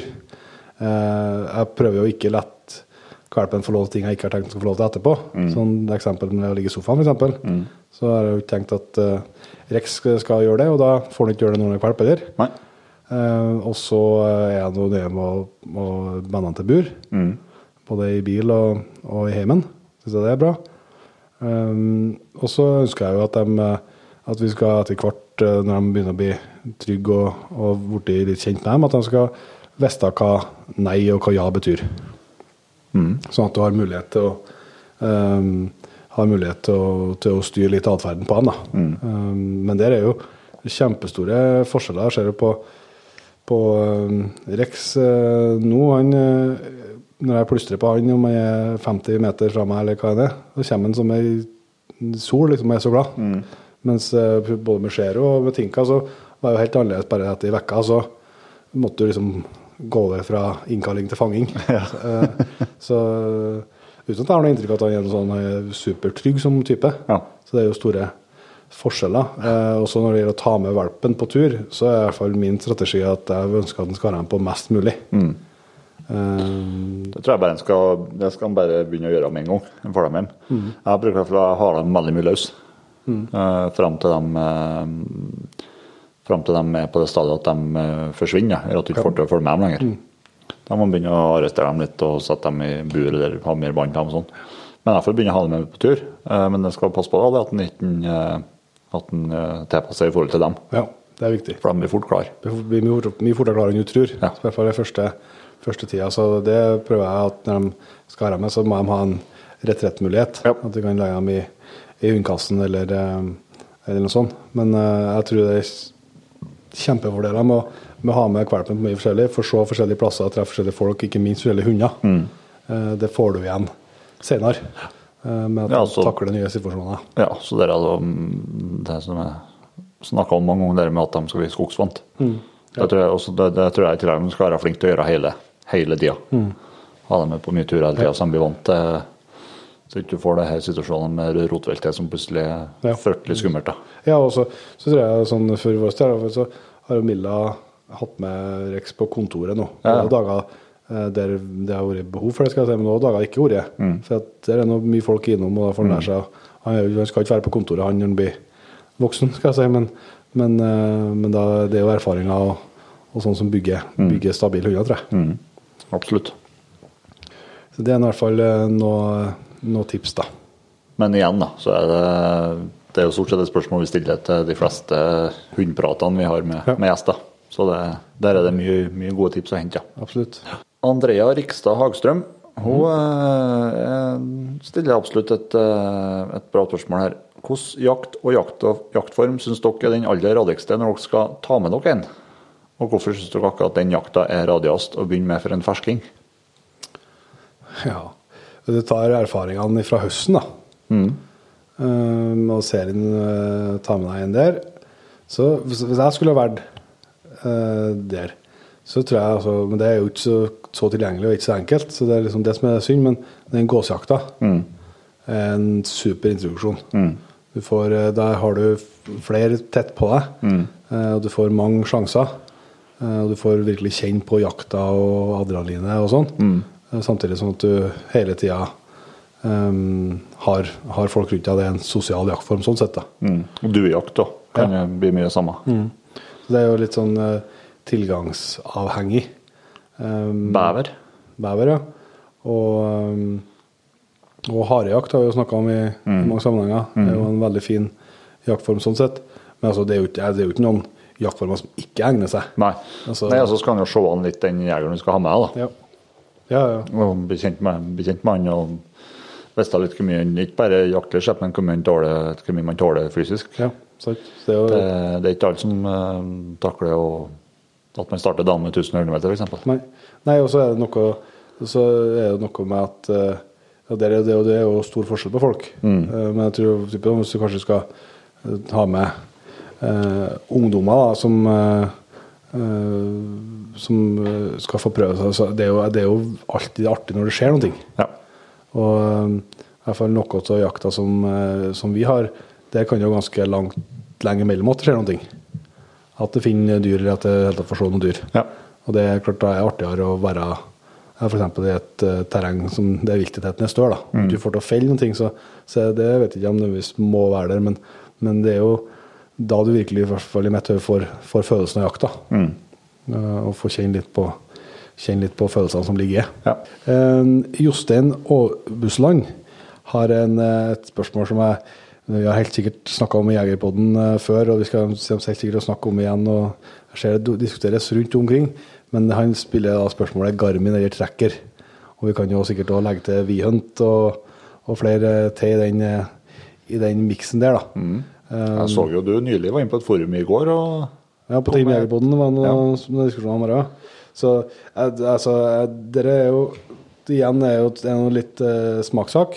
Altså, Det først, kan- første må avgjøre det er jo hvordan terrenget det er. Har du mobildekning eller ikke? Mm. Har du ikke mobildekning eller veldig dårlig mobildekning, altså er jo ikke verken Tracker eller Viant noe godt alternativ. Nei. Da er det Garmin som, som gjelder. Eh, har, du god, eh, har du god dekning, eh, altså Hvis jeg da skulle ha for min jakt med løshund og har eh, terreng med, med stort sett bra dekning, så hadde jeg gått for tracker hvis jeg skulle ha valgt. Men jeg ser jo absolutt fordelen med å ha begge delene. Ja. Men skulle jeg ha Vi bruker jo begge delene Yes. konstant. men skulle jeg ha valgt, så hadde jeg gått for, for trekker. Og så kan jeg da si valget igjen mellom trekker og Viant, f.eks. Her er jo kun egne meninger. og Så skal jeg også passe på å si at jeg testa ikke Vient i fjor, så jeg vil jo tro at de har kommet med oppdateringer da som eh, sikkert har vært bra, uten at jeg har testa dem sjøl. Men grunnen, det jeg ser som store forskjell på trekker og, og Vihunt, i hvert fall, det er at, at jeg syns Vihunten mangler en god del av egenskapene som jeg vil ha i hundpeileren min. Da er det spesielt eh, losindikator, losteller, Fart. ehm, fart altså den livehastigheten. live- live-hastigheten. Ehm, det er sånne ting som, som jeg har veldig stor nytte av, syns jeg, i skogen. Som ikke eh, hadde når jeg testa det sist, i hvert fall. Mm. så skal jeg sies på at eh, det Vihunt har som eh, trekker ikke på samme måten, det er en del muligheter i, i appen. Mm. der eh, den er langt Altså Det finnes også mulighet, mye muligheter i trekkerappen, men det er mye mer tilrettelagt for jaktlagsbruk i, i den Vihunt-appen. Så jeg på, jeg på det diskuteres på diverse forum nå, så er det mange som, eh, mange som eh, kutter ut trekker pga. appen. Eh, det, det må nå si at der, eh, etter de siste versjonene har kommet nå, så er den blitt mye bedre enn hva den var. Men for et jaktlag og, og for sånn typisk, eh, sånn typisk opplegg, så, så er nok fortsatt jenten bedre. Ja. Men jeg syns det skjer det litt på hvilken hund du skal bruke den på, og hvordan jakt. Ja, ja, det er klart, da. Altså til typiske typiske rådyrhunder, kanskje hjorthunder, kortfotinger, så tror jeg der berger den i 90 av tilfellene berger du med, med um, vihund. Ja. Ja, ja, ja. Eh, problemet er jo så- sånn for vår del som har hunder som, som eh, henger på langt, og som gjerne og vi, og vi jakter områder der er- det er sjelden at det står uttaket. Så da, da er man avhengig av at du har bra rekkevidde og, og kan stole 100% på den enheten du har på hund. Ja. Og det er klart altså, det, det trenger du jo bare å, å se, på, se på dem, så skjønner du at uh, f.eks. hvor evnen til å ta inn mobilsignal Ja. vil være bedre på trekker som har Absolutt. ei lang, stor antenne, Ja. kontra den uh, Vion Plussen som har ei lita antenne. Ja. Eh, men så er, jo, så er jo prisforskjeller på dem, Mm. så det må du vurdere hva som er viktig for hva en har lyst til å Det er jo prisforskjeller innad i Vihunt òg, da. Yes, der er det to forskjellige Mm. typer. ja. Um, og så, eh, så som du sier, selvsagt, eh, hund, hundtype har jo eh, mye å si. Jeg tror, Mm. jeg tror ikke det er så mange som tenker på trekker i f.eks. til fuglehund og sånt uansett. da. Nei, nei, nei. Eh, men men eh, for, for min del òg, hvis jeg eh, til dagsjakta, for å si det sånn, så hvis jeg hadde Nå har jeg jo brukt både trekker og, og trekker Artemisen på Dagsen og, og brukt um, T5 Mini. halsbåndet. Eh, og da uh, syns jeg nå det er veldig mye artig med trekkeren som jeg ikke får i Garmin. da. Eh, så må si det. Selv om du har jo en losindikator på, på Garmin da, så er det noe med både terninga, det er artig å se uh, farta der òg. Og ikke minst, uh, det kan, kan, kan, det godt hende at du kan på et Garmin uten at jeg kan, ja, men det å kunne se igjen jakta etterpå. Ja. Se igjen losstrengen og, og sånn syns jeg setter jeg jo stor pris på. Mm. Eh, det vet jeg det vet ikke jeg på Viant, men eh, hvordan du kan spille av jakta etterpå. Det vet jeg ikke. Nei, skal ikke, Vi, skal ikke si. vi kan for lite om det til at vi skal kan Men eh, vi havner i hvert fall på Vi bruker trekker. Yes. Men, men så har vi jo vært inne på det før òg, så at nå er det jo samme selskapet som eier både Trekker og Viant og, og flere til. Mm. sånn at de har vel mer i hinta om at det vil være muligheter på tvers her. Og det, det hadde jo eh, Det er jo ikke noe som er likere enn det. Nei. Hvis eh, man kan velge, velge, forskjellige, velge forskjellige ting. Men, men altså, absolutt den for eksempel, som en, en mulighet der som, som jeg i hvert fall syns vært veldig bra altså når du kommer til et nytt terreng. Så kan du jo lage poster og, og kartpunkter på Garmin, Mm. men det kan liksom, du kan lage posten. Du kan legge inn et bilde av hvordan den posten ser ut. Så når du kommer dit, så kan du kjenne igjen, og du kan trykke på 'sjekke inn'. Ergo trenger du ikke å si fra på jaktradioen at du er på plass. Nei. Det ser du i, i den appen. Så det har noen, eh, absolutt noen fine, fine funksjoner. Helt klart. Det, det sa vi ikke i stad, men vi skal gå inn i, på ny jakthøst nå med Garmin 200 i hendene. Ja, det blir jo spennende. Den er jo mange som har testa allerede, sånn, men, eh, men vi, Vi har testa den litt, ja, men vi har ikke fått brukt den nok til at eh, vi skal ikke komme med noe rapport ennå, nei. Nei. Det er klart at det er en del hundtyper, så er det jo ikke aktuelt å, å sette på begge. Både Garmin og, og en uh, Viant eller en trekker heller. Du må velge, velge en. Det var et langt svar på et kort spørsmål. Det var tre, tre ord i spørsmålet. Sånn er det. Dag Nydal. Hvilken kniv henger i beltet når dere er ute på jakt? Bytter dere ettersom hva slags jakt dere er på, eller henger samme favorittkniven i beltet uansett? Nei, der er heller ikke noe sånn eh, Du har jo mobba meg for det før, da, at jeg ikke så, ikke har så kvasse kniver. Ja. Men eh, jeg har jo brukt eh, mange forskjellige varianter av det som er swingblade. da. Mm. Uh, Vært for hatt på den, den klassiske Eka, og har hatt et par merker til òg. Mm. og så har jeg nå brukt uh, den Duo fra Øyo, som er nettbutikken. Mm. Uh, som ikke er en sånn, sånn Den har jo bukåpner og, og, eh, og flåkniv, skal jeg si, men den er jo en foldkniv, da. for foldekniv, så legger begge bladene inn i, inn i skaftet. skaftet. Så, så har jeg nå hatt noe Gerber, eh, både den guiden og, og likeens en der med bukåpner. Eh, og jeg kan ikke, jeg kan ikke nok om kniv eh, til at jeg skal uttale meg. Jeg har ikke noen sånn en preferanse. Jeg har hatt veldig mye sånn fine kniver som jeg har kjøpt på messer og kjøpt av folk som han- handler kniver. Eh, Så jeg svak syns det er artig å kunne ha òg. Men eh, vi har, har, faktisk gjort litt research. Vi har laga en episode i fjor eh, med en Bengt Arne Barstad. Mm. Bare friluftsliv. Han var jo langt og gjennomsnittlig interessert i kniv. Og det er en del av meg som har hatt lyst til å få prøvd, altså og sett, og så investert. da. En Ja. del mer, her har jeg kjøpt mer eller mindre kjøpt ny kniv for hver sesong. Nå så jeg faktisk at den ene kniven som han snakka om, den har blitt testvinner på i siste Jakt og fiske som kom i posten her vekka. Ja. Så det kunne vært artig å prøve en sånn eh, og gått opp en takt da, for å se hvor eh, stor forskjell det er. For det er sikkert større forskjell enn jeg kanskje tror. da. Ja. Jeg kan svare kort og enkelt på at jeg har bestandig med meg en eller annen form for en kniv som har bukåpner. Det er bestandig med også. Mm. Uavhengig av hvordan hvordan jakt det er, men eh, alle de forskjellige knivene jeg har, det er en eller annen form for dem. Ja. Om det er Eka eller om det er Øyo sin eller hva det er for noe, så er det, det er sånne kniver som er med. ja. Ja. Nei, Nå har, nå har jeg jo, nå har jeg jo fått Fikk jeg vel i julegave, ja. En kniv med utskiftbare blad på. ja. Så det blir, det blir litt spennende å prøve. da. så det. Um, Kolbeid Svensson han skriver som eh, Som jaktbileksperter Det er selvsagt smigrende. Eh, har dere noen tanker rundt elbil? Enten man vil eller ikke, så er nok el framtiden. Eh, en del produsenter som har lansert elpickup som framtidig mulighet, om vi har sett noe på de variantene. Det har vi. Det har vi så definitivt. Mm. jeg tror jo jeg òg at eh, en form for eh, el er framtida. Samme hva man tenker om det. Jeg har hatt et par elbiler sjøl òg som har vært godt fornøyd med det, for så vidt.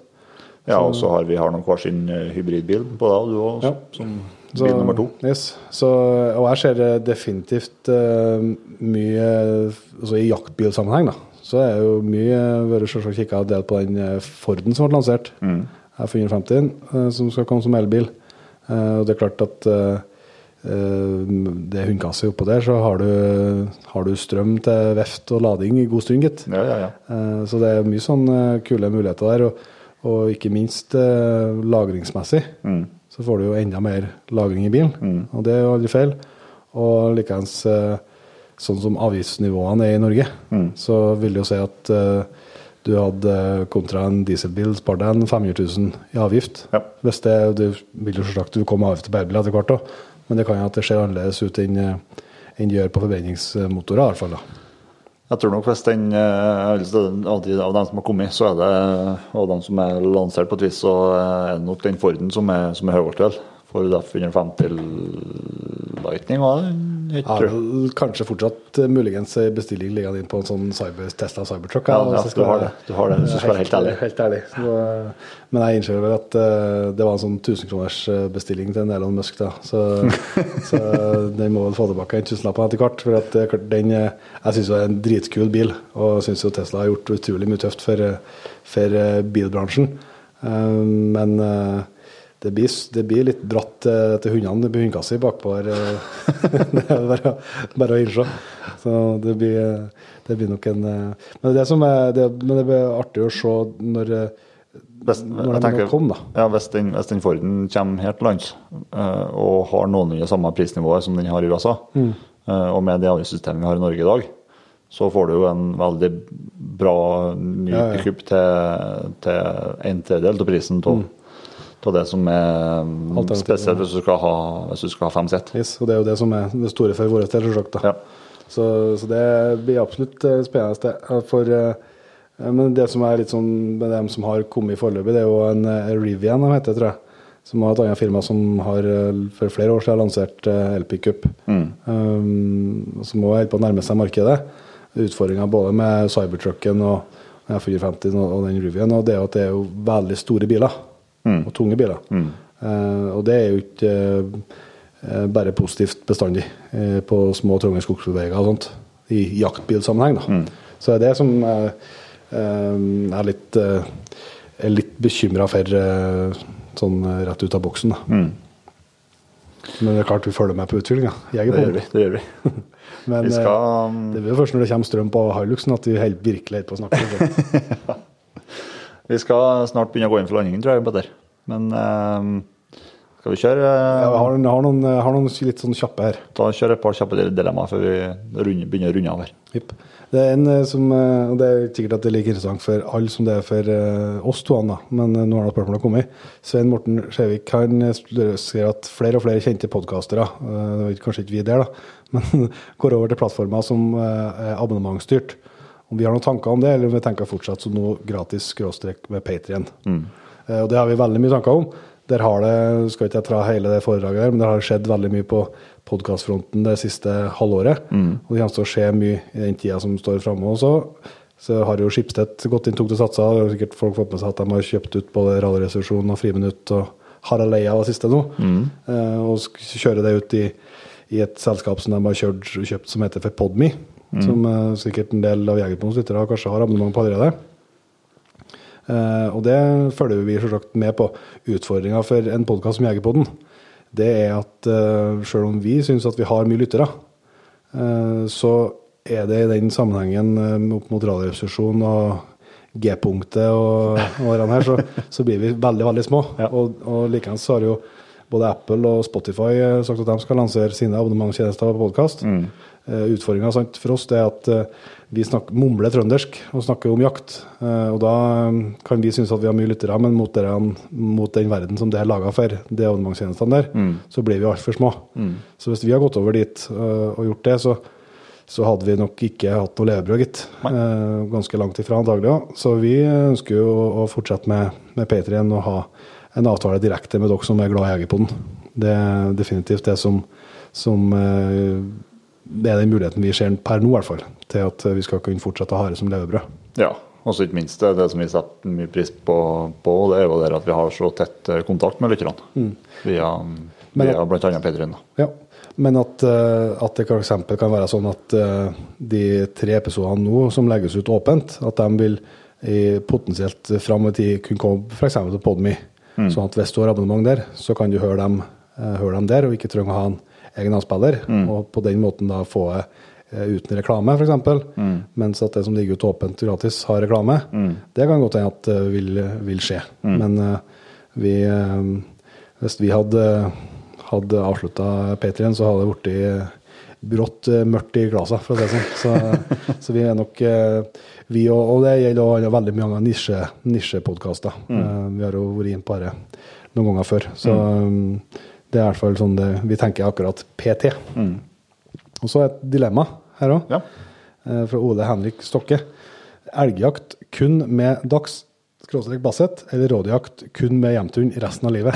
Nå må jeg legge til, legge til at det er noen regler og sånt som, eh, som vi ikke kan ta hensyn til hvis vi skal gi gods.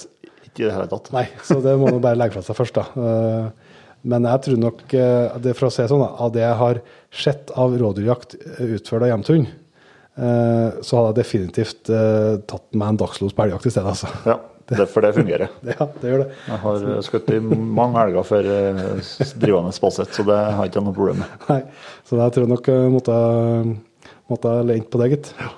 Og så- Og så en eh, Stig eh, Sneggen her til slutt. Han eh, har et eh, meget godt dilemma til oss som er elgjakt uten hund, eller småviltjakt med hund ut livet. Småviltjakt med hund. Det er inne på det, altså. Ja. Gitt. Det hadde nok eh, Faen, skal vi gå sommeren i møte med å være så forbanna enige, vi, da? Ja, vi får nok finne på noe å krangle om før vi, før vi runder av, eh, runder av her. Men det var nå i hvert kan, fall jeg kan prøve en siste dilemma på her Ja. fra Svein Håkon. Gjør det. Kun, kun gå på jakt med hund Mhm. og ikke våpen, Eller gå på jakt med våpen, men ikke med hund. Da drar jeg på jakt eh, med hund uten våpen. ja. Tror jeg. Faen, jeg er enig i det, vet du. Jeg tror det, altså. Eller, altså, altså for å si det sånn, altså, jeg hadde ikke for å si det mest at eh, et eller har skjedd at det ikke blitt mulighet til å bruke hund på jakt, så har jeg ikke slutta å jakte. Men jeg har kommet til å jakte mye mindre. Det er jeg sikker på. Og hvis jeg måtte valgt mellom meg, så eh, betyr det hundegreiene eh, så mye for meg. Og jeg har jo sagt det mange ganger før, at jeg vet det meg sjøl at jeg blir ikke noe, noe mer glad om jeg skjøt eh, for hund enn eller Noen andre- gjør det, ja. Mm. Det har jeg jo kjent på såpass mange ganger at jeg vet det. Man har da mange gode kompiser som kan skjøtte som ikke kan skjøtte sjøl. Ja, ja, ja. Nei, jeg tror jeg må gjort det. Da har vi i hvert fall fått uh, gått gjennom en god del av spørsmålene og dilemmaene som har kommet. Ikke plass til alle her denne gangen heller, men uh, det kommer flere muligheter til dette. Jeg storkoser meg med innspillingene. Ja, det er artig. Det er det. Så skal vi begynne å runde av for siste gang i sesong 60. Da. Litt sånn vemodig òg. Ja, det er det. Men uh, heldigvis, til trøst, så har vi jo en uh, mulighet uh, igjen til å takke nye patriens. Det har vi. Før, før vi gjør det, så skal vi se hvem som vi har jo trukket ut to Ja, vinnere. Det har du helt rett. Du skal jo programleder, vet du. Ja, ja, ja. Vi har trukket ut to vinnere ja. som får et kaffekort på hva var det, 1000 kroner. Yes, i til Jegerpodden. Eh, Det er muligheter da for å gratulere Knut Haugå Kasin. Og Morten Kleven. Så gratulerer med det. Ta gjerne kontakt hvis dere hører det. Hvis ikke skal vi klare å spore opp dere. da. Men uh, gratulerer med gavekort. Uh, men da kan vi jo takke eh, nyankomne jaktlagsmedlemmer til Patrien. Det gjør vi. Så sier vi tusen hjertelig takk til Joakim Larsen, Espen Koloen. Roar Olsen, Sindre Stadeløkken. Steinar Jo- Johnsen, Anders Fremming Andersen. Anders Antoniussen, Mikael Hammersborg. Simen Solberg Brandt, Torbjørn Butli. Daniel Jacobsen, Arild Moldal. Magnus Nyhus Stenbrennen, Anne Morgenli. Tobias Akselsson, Thomas Lysebo Østby. Tommy André Sørli, Uh, Det er navnet der, Petter. eh, Du som er KN-bo, KN-bo. 2504, 2504. Sølvi Dahlberg, Even Ellevold. Håvard Hognes, Espen. Marian Gran, eh, Karoline Backman. Tor Magne Klingen, Vigdis Lo E- Ovesen. Bård Tveter Vetle Berntsen. og Håvard Mørk. Tusen hjertelig takk til alle dere som nå eh, har blitt med i jaktlaget og gjør det mulig for oss å drive med Jegerpodden. Eh, og så håper vi jo at eh, vi i løpet av sommerferien nå kanskje kan klatre litt nærmere det store målet om eh, 3000 Patriens. Sånn at vi kan få trukket ut en heldig Patrien som skal få kjøre rundt i en flunka ny Toyota Hilux Jegerpodden Edition. Yes. Nybil et år. I lag med Nordvik skal vi forhåpentligvis få lov til å dele ut den premien på et eller annet tidspunkt. Så eh, hvis du som hører på ikke er med i jaktlaget har lyst til å, å sikre din plass, så er det bare å klikke seg inn på lenka som ligger i beskrivelsen av episoden. Men da eh, er vi vel klart til å runde av eh, nesten 50 time, nye timer med jaktprat siden januar fram til nå. Håper at du som har fulgt oss gjennom sesongen, har kosa deg. Vi har i hvert fall gjort det. Det har vi. Og så skal vi si eh, god sommer. Yes. Vi kommer knallhardt tilbake i august. Og da er det ikke lenge til jakt, jakta starter. Er vi Mye av jakta har allerede starta, Det har faktisk det. Så, da er så riktig god sommer, kjære Jegerpodden-lyttere. Vi sier som vi bruker å gjøre til neste gang. Vi høres.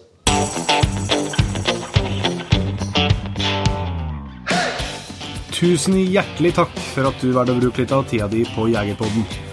Sjekk ut jegerpodden.no eller eh, din favorittpodkastspiller for enda mer innhold og flere episoder. Følg også Jegerpodden på Facebook og Instagram, og ikke minst, husk å fortelle alle gode venner, familie og tilfeldige forbipasserende om Jegerpodden, sånn at vi får spredd det glade budskap videre. Vi høres.